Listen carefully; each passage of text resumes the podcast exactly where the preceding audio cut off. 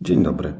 Nazywam się Michał Lisiecki i jestem twórcą artofsale.com.pl, platformy poświęconej sprzedaży. To, co za chwilę usłyszycie, jest zapisem audio mojego bloga. Nagrałem to dla tych, którzy wolą słuchać niż czytać. Każdy plik audio jest zapisem jednego miesiąca prowadzenia bloga. Dla tych, którzy chcieliby być na bieżąco z najnowszymi wpisami, a także z materiałami audio i wideo, zapraszam na stronę artofsale.com.pl. Zachęcam również do bezpośredniego kontaktu pod adresem kontakt małpa artofsale.com.pl. Życzę miłego słuchania i dobrej zabawy. Pozdrawiam, Michał Lisiecki. Kwiecień 2012. Napisy końcowe w Cats Vegas kontra nudne prezentacje biznesowe. 2 kwiecień 2012. Kiedy w telewizji puszczają film, osoby odpowiedzialne za zainteresowanie widzów mają duży kłopot z napisami końcowymi. Badania pokazały, że w momencie, kiedy napisy wjeżdżają na ekran, oglądalność spada momentalnie o 25%. Kto chciałby wykupić czas reklamowy w tak fatalnej sytuacji? Marketingowi spin doktorzy w stacjach telewizyjnych znaleźli na to kilka rozwiązań. Po pierwsze, napisy zostają ścieśnione do szerokości 1 trzeciej ekranu. Malutkie literki, których i tak nikt nie czyta, płyną sobie spokojnie dalej, zaspokajając ego osób, które tworzyły dany film, a na pozostałej części ekranu prezentowane są treści mające utrzymać uwagę widza, przykład zapowiedzi kolejnej pozycji w programie stacji. Po drugie, napisy gwałtownie przyspieszają do prędkości, która uniemożliwia ich odczytanie. Ale kto się tym przejmuje, prawda? I cała lista płac, jak czasem nazywa się napisy końcowe, przemyka nam przed oczami w ciągu 10 sekund. Zanim zdążymy sięgnąć po pilota, żeby zmienić kanał, jest już po wszystkim. Po trzecie, czasem twórcy filmów sami pomagają rozwiązać problem, pokazując podczas napisów ścinki, czyli fragmenty ujęć zakończone zabawnymi wpadkami. Większość filmów z Jackie Chanem zawiera w napisach nieudane sceny upadków, uderzeń, walk i wszystkich innych śmiesznych sytuacji. Mistrzostwo w tej dziedzinie osiągnęli twórcy pierwszej części Cats Vegas, gdzie podczas napisów widzimy zdjęcia z aparatu odnalezionego po siarczystej imprezie. Jest to więc jakby dalsza część filmu, którą trzeba obejrzeć, aby mieć poczucie, że widziało się wszystko. W ten sposób przykuwa się uwagę widza nawet w tej ostatniej części filmu. Jakie wnioski handlowcy mogą wyciągnąć dla siebie z powyższego opisu?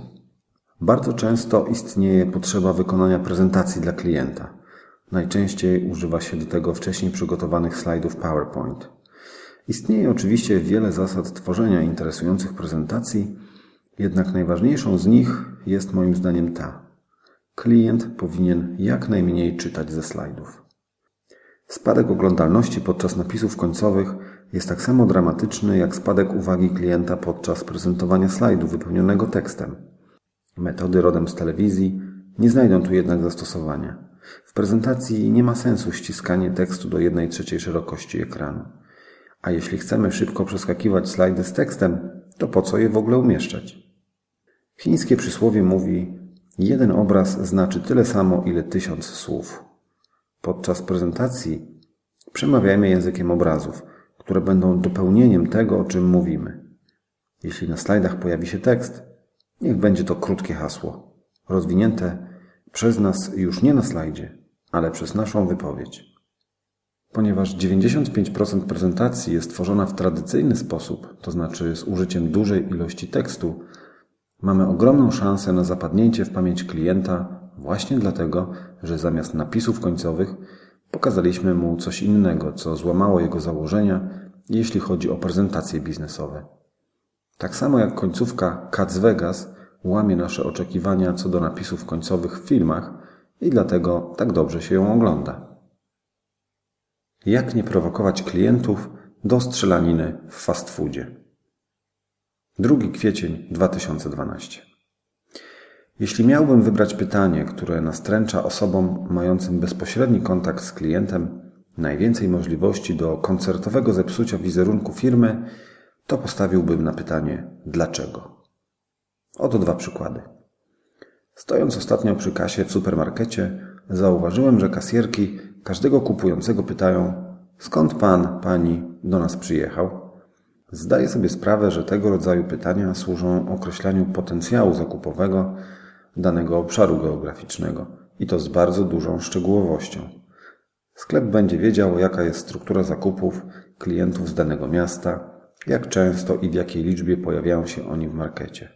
Tym niemniej postanowiłem sprawdzić, jaka jest świadomość pracowników sklepu. Gdy przyszła moja kolej, udzieliłem odpowiedzi kasjerce i sam zapytałem, a dlaczego Państwo o to pytacie? Odpowiedź, jaką otrzymałem, zjeżyła mi włosy na głowie. Pani kasjerka z rozbrajającą szczerością odpowiedziała: Nawet nie wiem dlaczego.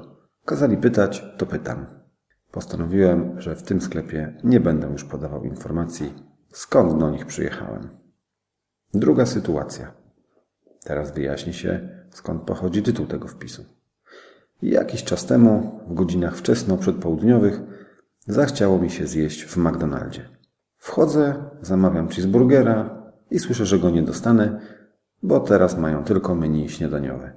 Na moje pytanie, dlaczego jest tylko takie menu, usłyszałem, że takie mają zasady, jeśli chodzi o realizowanie zamówień do pewnej określonej godziny. Skoro tak, to cytując bohatera psów, w imię zasad Opuściłem fast foodowy przybytek i od razu przypomniała mi się scena z filmu Upadek, gdzie Michael Douglas również bezskutecznie domagał się swojego zamówienia w podobnym lokalu. Pomogła dopiero broń automatyczna. Ponieważ nie chciałem skończyć jak bohater tego filmu, postanowiłem zjeść gdzie indziej. Jeśli chcecie zbudować z klientem więź, która zaprocentuje jego lojalnością, przygotujcie się, że może Was zapytać dlaczego. Miejcie w zanadrzu naprawdę dobrą odpowiedź, która spowoduje, że klient poczuje się potraktowany jak istota rozumna. Pozbądźcie się wymówek typu ja tu tylko sprzątam, czy taka jest polityka naszej firmy. Ponieważ klienta nie obchodzi, jaka jest polityka firmy. To akcjonariuszy obchodzi polityka firmy. Klient chce tylko swojego cheeseburgera. A jeśli nie może go dostać, chce znać przekonujący argument, dlaczego tak jest. Fakt, że czasem odpowiedź wcale nie musi powodować zadowolenia klienta, gdyż najczęściej musi ona brzmieć ponieważ chcemy zmaksymalizować nasze zyski i informacja o tym skąd przyjechałeś lub brak cheeseburgerów w ofercie właśnie ma to na celu. Dlatego wykażmy się odrobiną kreatywności oraz dyplomacji i ujmijmy to w formie bardziej empatycznej. Niech brzmi to na przykład. Pytanie. Dlaczego pytacie mnie skąd przyjechałem? Ponieważ chcemy w jeszcze lepszy sposób dostosować się do Twoich kliencie wymagań i ta informacja pozwala nam zebrać dane, które to umożliwią. Lub pytanie: dlaczego nie mogę kupić cheeseburgera? Ponieważ menu śniadaniowe cieszy się wielką popularnością, zapraszam do spróbowania, przestawiliśmy naszą kuchnię całkowicie na serwowanie śniadań do godziny 10.20. Do tego czasu mogę panu zaproponować pysznego tosta z jajkiem. Co pan na to? Zauważcie, że w pierwszej odpowiedzi posłużyliśmy się regułą wzajemności, a w drugim przypadku regułą dowodu społecznego. I tak to właśnie powinno wyglądać. Cena czyni negocjacje. 9 kwiecień 2012. Cena. Możesz płynąć prawym halsem i cały czas zabierać wiatr przeciwnikom. Twój grot może być idealnie wybrany, a zwrot przez rufę na długich szotach odległy jak miętowy oddech u Szreka. Tak czy inaczej, w końcu będziesz musiał podać cenę. Niezależnie od gimnastyki, jaką wykonasz przed klientem, często to właśnie cena zdecyduje o ostatecznym zakupie w tej chwili lub dalszych negocjacjach w celu zbicia kwoty, którą trzeba zapłacić. Oto kilka moich przemyśleń na temat sposobu prezentowania ceny, która wydaje się w mniejszym stopniu negocjowalna niż w rzeczywistości. Po pierwsze, cena nie powinna być zbyt zaokrąglona. Dwa zera przed przecinkiem są wprost zachętą do pytania o rabat, zniżkę czy upust. Po drugie, bądź przygotowany na to, że klient i tak zapyta o rabat. Od tak dla zasady. Upewnij się, że Twoja marża wyjściowa wynosi przynajmniej kilkadziesiąt procent. Jeśli spotkasz prawdziwego mistrza negocjacji, będziesz szczęśliwy wracając do biura z marżą na poziomie 9%, co i tak da Ci z czego żyć. Prawdziwe win-win. Po trzecie, pamiętaj o półce, którą zajmuje Twój produkt. Przy planowanej cenie poniżej 100 w dowolnej walucie, cyfry po przecinku nie wkurzą klienta, a dadzą Ci dodatkowy zysk. Przy zamówieniu rzędu kilkuset sztuk pokryje on koszty transportu. Przy cenie między 100 a 700 możesz operować na poziomie dokładności rzędu jedności. Przy zakresie 710 tysięcy jedno zero przed przecinkiem wydaje się rozsądnym rozwiązaniem. Dopiero powyżej 10 tysięcy możesz bez obaw stosować dwa zera przed przecinkiem, a i tak dolicz 3% do ceny, bo masz jak w banku, że klient poprosi o rabat. Kiedy klient spojrzy na cenę, musi mieć poczucie, że została ona z uwagą skalkulowana, a jej wysokość opiera się na racjonalnych przesłankach. Cena, która sprawia wrażenie pochodzącej z kapelusza lub z algorytmu bo tak, powoduje pojawienie się u klienta refleksji: ktoś tutaj chce się wzbogacić moim kosztem, muszę się temu przeciwstawić. Podsumowując, płynąc prawym halcem, zawsze masz pierwszeństwo przed jednostką płynącą lewym halcem. Zwrot przez rufę na długich szotach kończy się zawsze nieprzyjemnym szarpnięciem, a czasem nawet urazem skroni. Prezentacja ceny przy uwzględnieniu powyższych wskazówek zawsze zapewni Ci psychologiczną przewagę nad negocjatorem po drugiej stronie faktury. PS. Na marginesie. Czy wiesz, że kubek kawy bezkofeinowej w Starbucks jest droższy niż paczka takiej kawy wystarczająca na zrobienie 30 kubków kawy? Czy mając tego świadomość, ludzie próbują się targować o cenę idąc do tej kawiarni? Lodołamacze oczekiwań. 11 kwiecień 2012. Od czasu do czasu spotykam osoby, które swoją postawą przełamują moje oczekiwania co do obsługi klienta. Jednocześnie przyczyniają się, być może same sobie tego nie uświadamiając, do pozytywnego budowania marki swoich firm. Na pewnej podpoznańskiej stacji benzynowej kilka razy spotkałem pracownika, który miał bardzo pozytywne podejście do swojej pracy. Począwszy od niestandardowego, lecz eleganckiego powitania klienta przy kasie, po żartobliwe uwagi na temat wbijania numeru PIN podczas płatności. Zapamiętałem go dobrze, ponieważ za każdym razem, gdy płaciłem u nich za benzynę, zawsze miał to samo interesujące podejście. Znacząco wybijał się na tle nie tylko pozostałych członków swojego zespołu, ale także spośród wszystkich innych pracowników stacji benzynowych, jakich w życiu spotkałem. W supermarkecie brytyjskiej sieci, który znajdował się w miejscu, w którym kiedyś mieszkałem, pracowała kasjerka, która pomimo ciężkiej i monotonnej pracy potrafiła być miła i uprzejma dla każdego klienta. Więcej, pomagała klientom uporać się z niesfornymi torbami foliowymi, które, to chyba jakiś spisek, często są w tajemniczy sposób sklejone i za żadne skarby nie chcą się otworzyć. Każdy, kto kiedykolwiek robił zakupy w supermarkecie, wie, że o zmotywowanego i miłego pracownika linii kas wcale nie jest łatwo. Jechałem ostatnio autobusem i czytałem książkę, którą miałem ze sobą, gdy nagle rozległ się niski i miękki głos rodem z Hollywood. Dzień dobry Państwu, będzie kontrola biletów. Gość wygłaszał tą formułę w taki sposób, jakby zapowiadał wejście prezydenta na salę podczas spotkania z czołowymi intelektualistami kraju. Potem przystąpił do sprawdzania, pochylając się z troską nad każdym pasażerem i uśmiechając się serdecznie do każdego, kto miał ważny bilet. Ponieważ wszyscy mieli bilety, nie mogłem zaobserwować jego reakcji na osobę jadącą na gapę. Tak czy inaczej, całkowicie przełamywał stereotyp kanara. Takie właśnie osoby nazwałem lodołamaczami oczekiwań, ponieważ robią rzeczy, których nie spodziewamy się w pewnych konkretnych sytuacjach. Dzięki nim wierzę, że na każdym stanowisku pracy można zachować się niestandardowo w pozytywnym sensie i rozwijać markę firmy w oczach klientów. Żeby zostać lodołamaczem oczekiwań, na początek nie potrzeba wiele. Wystarczy odrobina empatii i chęć zapewnienia klientowi trochę więcej niż mógłby oczekiwać w kwestii obsługi. Nie trzeba innowacyjnych technologii, misji firmy wytatuowanej na czole czy milionów wydanych na marketing. Na początek wystarczy jeden krok. Łapy precz od twarzy. 16 kwiecień 2012. Dawno temu, kiedy poprzedni ustrój polityczny w naszym kraju chylił się ku upadkowi, jadąc pociągiem na trasie Toruń-Poznań, można było dostrzec coś ciekawego. Otóż już na terenie Poznania, na betonowym ogrodzeniu tuż przy torach, widniał wymalowany wielkimi literami napis Rakowski, łapy precz od stoczni. Tak naprawdę w środku tego zdania widniało jeszcze obelżywe słowo, ale pominąłem je, bo nie ma ono wpływu na to, co chcę powiedzieć.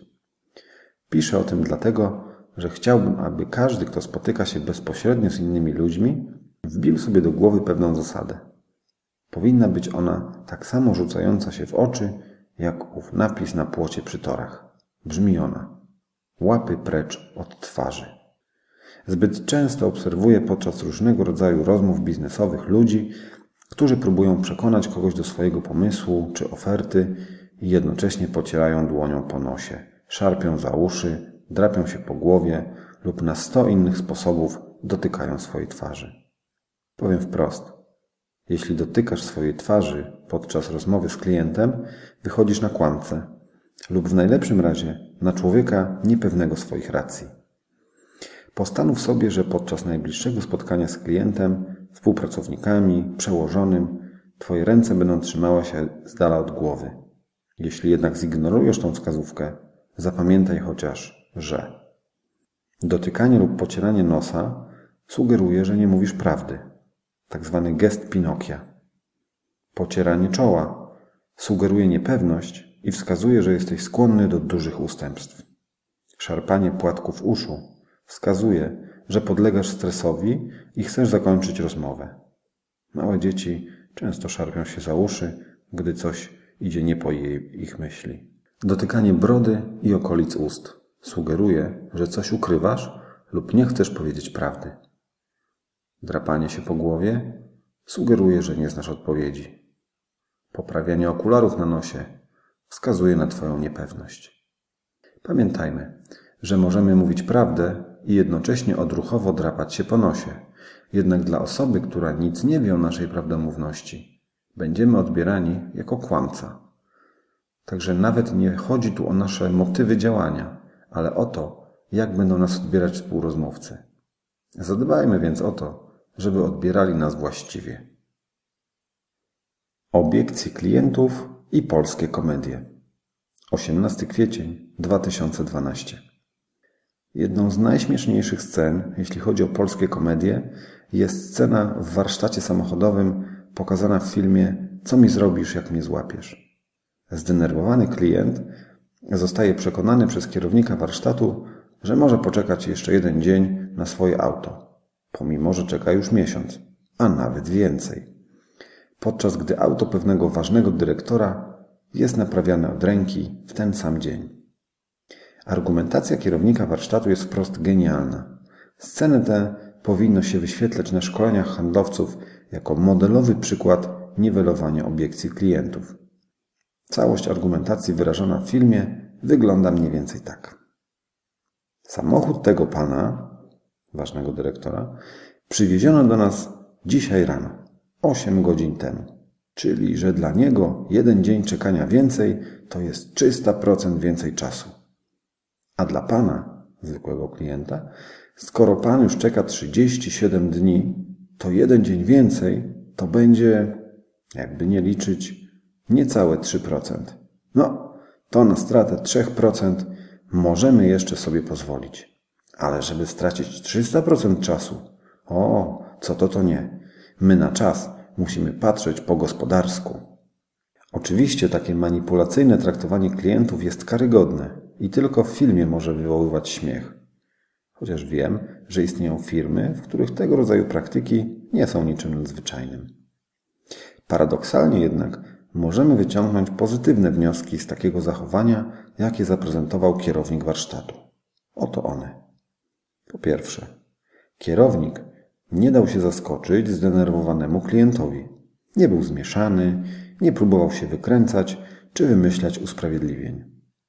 Po drugie, w obliczu potencjalnego konfliktu zachował spokój i podjął rozmowę z klientem. Po trzecie, wykorzystał argument, który co prawda pochodził trochę z fantastycznej półki, ale ostatecznie doprowadził do tego, że klient sam wyciągnął wnioski, że jednak może poczekać jeszcze jeden dzień. Po czwarte, mówił prawdę. To chyba najważniejsze. Podczas całej rozmowy z klientem kierownik ani razu nie posłużył się nieprawdą do obrony swojego stanowiska.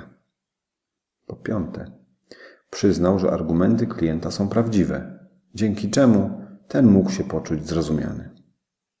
Jeśli po obejrzeniu opisywanej sceny dojdziecie do wniosku, że miała miejsce manipulacja, będziecie mieli rację. Manipulacji klientami zdecydowanie się sprzeciwiam.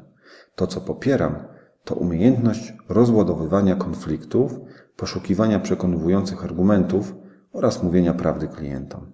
Dlatego kierownik warsztatu w komedii Barei jest dla mnie przykładem dobrego operowania warsztatem handlowca. Jeśli będziecie kiedyś na szkoleniu sprzedażowym, weźcie ze sobą tą scenę i obejrzyjcie ją wspólnie z innymi handlowcami. Naprawdę oddacie im wielką przysługę. Nie zacieraj, bo nie sprzedasz. 23 kwiecień 2012. Na blogu Marka Wojciechowskiego psychologia w sprzedaży.com ukazał się wpis, który zainteresował mnie do tego stopnia, że postanowiłem napisać o nim u siebie. Chodzi o gest pocierania rąk, który, jak zauważył Marek, często stosują polscy politycy. Gest pocierania rąk sygnalizuje otoczeniu, że oczekujemy korzyści, jeśli chodzi o wypowiadane przez nas słowa, opinie i uwagi. Osoba wykonująca ten gest chce osiągnąć pozytywne oczekiwania względem siebie. Oczywiście, patrząc na polityków, wcale mnie to nie dziwi. Gorzej, że z ich ust często słyszymy zapewnienia o tym, że to czy tamto jest najważniejsze. Zwróćmy jednak uwagę, czy mówiąc to nie zacierają rąk, bo wtedy najprawdopodobniej to jednak ich interes jest najważniejszy. Teraz coś dla handlowców. Sprawdźcie, czy przekonując klienta do swojej oferty, nie wykonujecie przypadkiem, nawet mimowolnie, gestu pocierania rąk. Uważajcie, bo w ten sposób wysyłacie w stronę klienta niewerbalny komunikat. Zaraz zarobię dzięki Tobie dużo pieniędzy. Żaden klient nie chciałby zostać potraktowany w ten sposób, a jeśli odniesie takie wrażenie, wówczas sprzedaż może się zakończyć na dziękuję, muszę się zastanowić. Dlatego nie pocierajcie rąk, przynajmniej dopóki transakcja nie została sfinalizowana. Ile jest wart telefon do klienta? 25 kwiecień 2012. Zastanawialiście się kiedyś, ile warta jest każda rozmowa telefoniczna z klientem? Ciekawą metodę obliczenia znalazłem w książce Szlomu Waknina Mistrz Perswazji. Załóżmy, że chcecie zarobić w ciągu roku 100 tysięcy złotych, a średni dochód z Waszej jednej transakcji to 500 złotych. Konieczne są jeszcze dwa założenia. Jedno na trzy spotkania kończą się transakcją oraz jedna na pięć rozmów telefonicznych kończy się umówieniem na spotkanie. Pierwsze dwa założenia można samemu modyfikować stosownie do własnej specyfiki. Dwa ostatnie wynikają z danych statystycznych. 100 tysięcy złotych podzielone przez 500 złotych daje 200. Tyle transakcji trzeba sfinalizować, żeby zarobić zaplanowaną kwotę. 200 transakcji pomnóżmy przez 3. Jedno na 3 spotkania kończy się transakcja. Otrzymujemy liczbę 600. Tyle należy odbyć umówionych spotkań z klientami. 600 pomnożone przez 5, jedna na 5 rozmów telefonicznych kończy się umówieniem na spotkanie, daje 3000. Tyle rozmów telefonicznych trzeba wykonać, żeby zarobić 100 tysięcy złotych. Powiedzmy, że mamy 6 tygodni w roku wolnych od pracy. Daje to 46 tygodni pracy. Jeśli przyjmiemy, że poświęcamy 3 dni w tygodniu na dzwonienie, daje nam to 138 dni w roku, które poświęcimy na telefony do klientów. 3000 podzielone przez 138 daje nam 22 rozmowy telefonicznie dziennie. Zatem wykonując każdego dnia przez 3 dni w tygodniu 22 telefony do klientów, zarabiamy rocznie 100 tysięcy złotych. Kiedy pomyślimy, że każdy dzień dzwonienia jest warty 100 tysięcy złotych, bo 22 telefony jest to norma, której spełnienie doprowadzi nas do celu, oznacza to, że każdy telefon jest wart 4,5 tysiąca złotych. 100 tysięcy przez 22. Oto wartość pojedynczej rozmowy telefonicznej, która może prawdziwie nakręcić nas do działania. Każdy może wykorzystać powyższą receptę do obliczenia wartości swojej pracy. Konieczne jest tylko określenie. Ile chcecie zarobić w ciągu roku? Ile zarabiacie średnio na jednej transakcji? Ile odbytych spotkań z klientami kończy się transakcją? Ile telefonów, maili, faksów lub innych form kontaktu musicie wykonać, aby umówić się na spotkanie z klientem, bądź wykonać aktywność będącą równoważnikiem spotkania? Po wykonaniu stosownych obliczeń odpowiedzcie sobie na pytanie: na ile kwota, którą otrzymaliście, motywuje Was do pracy?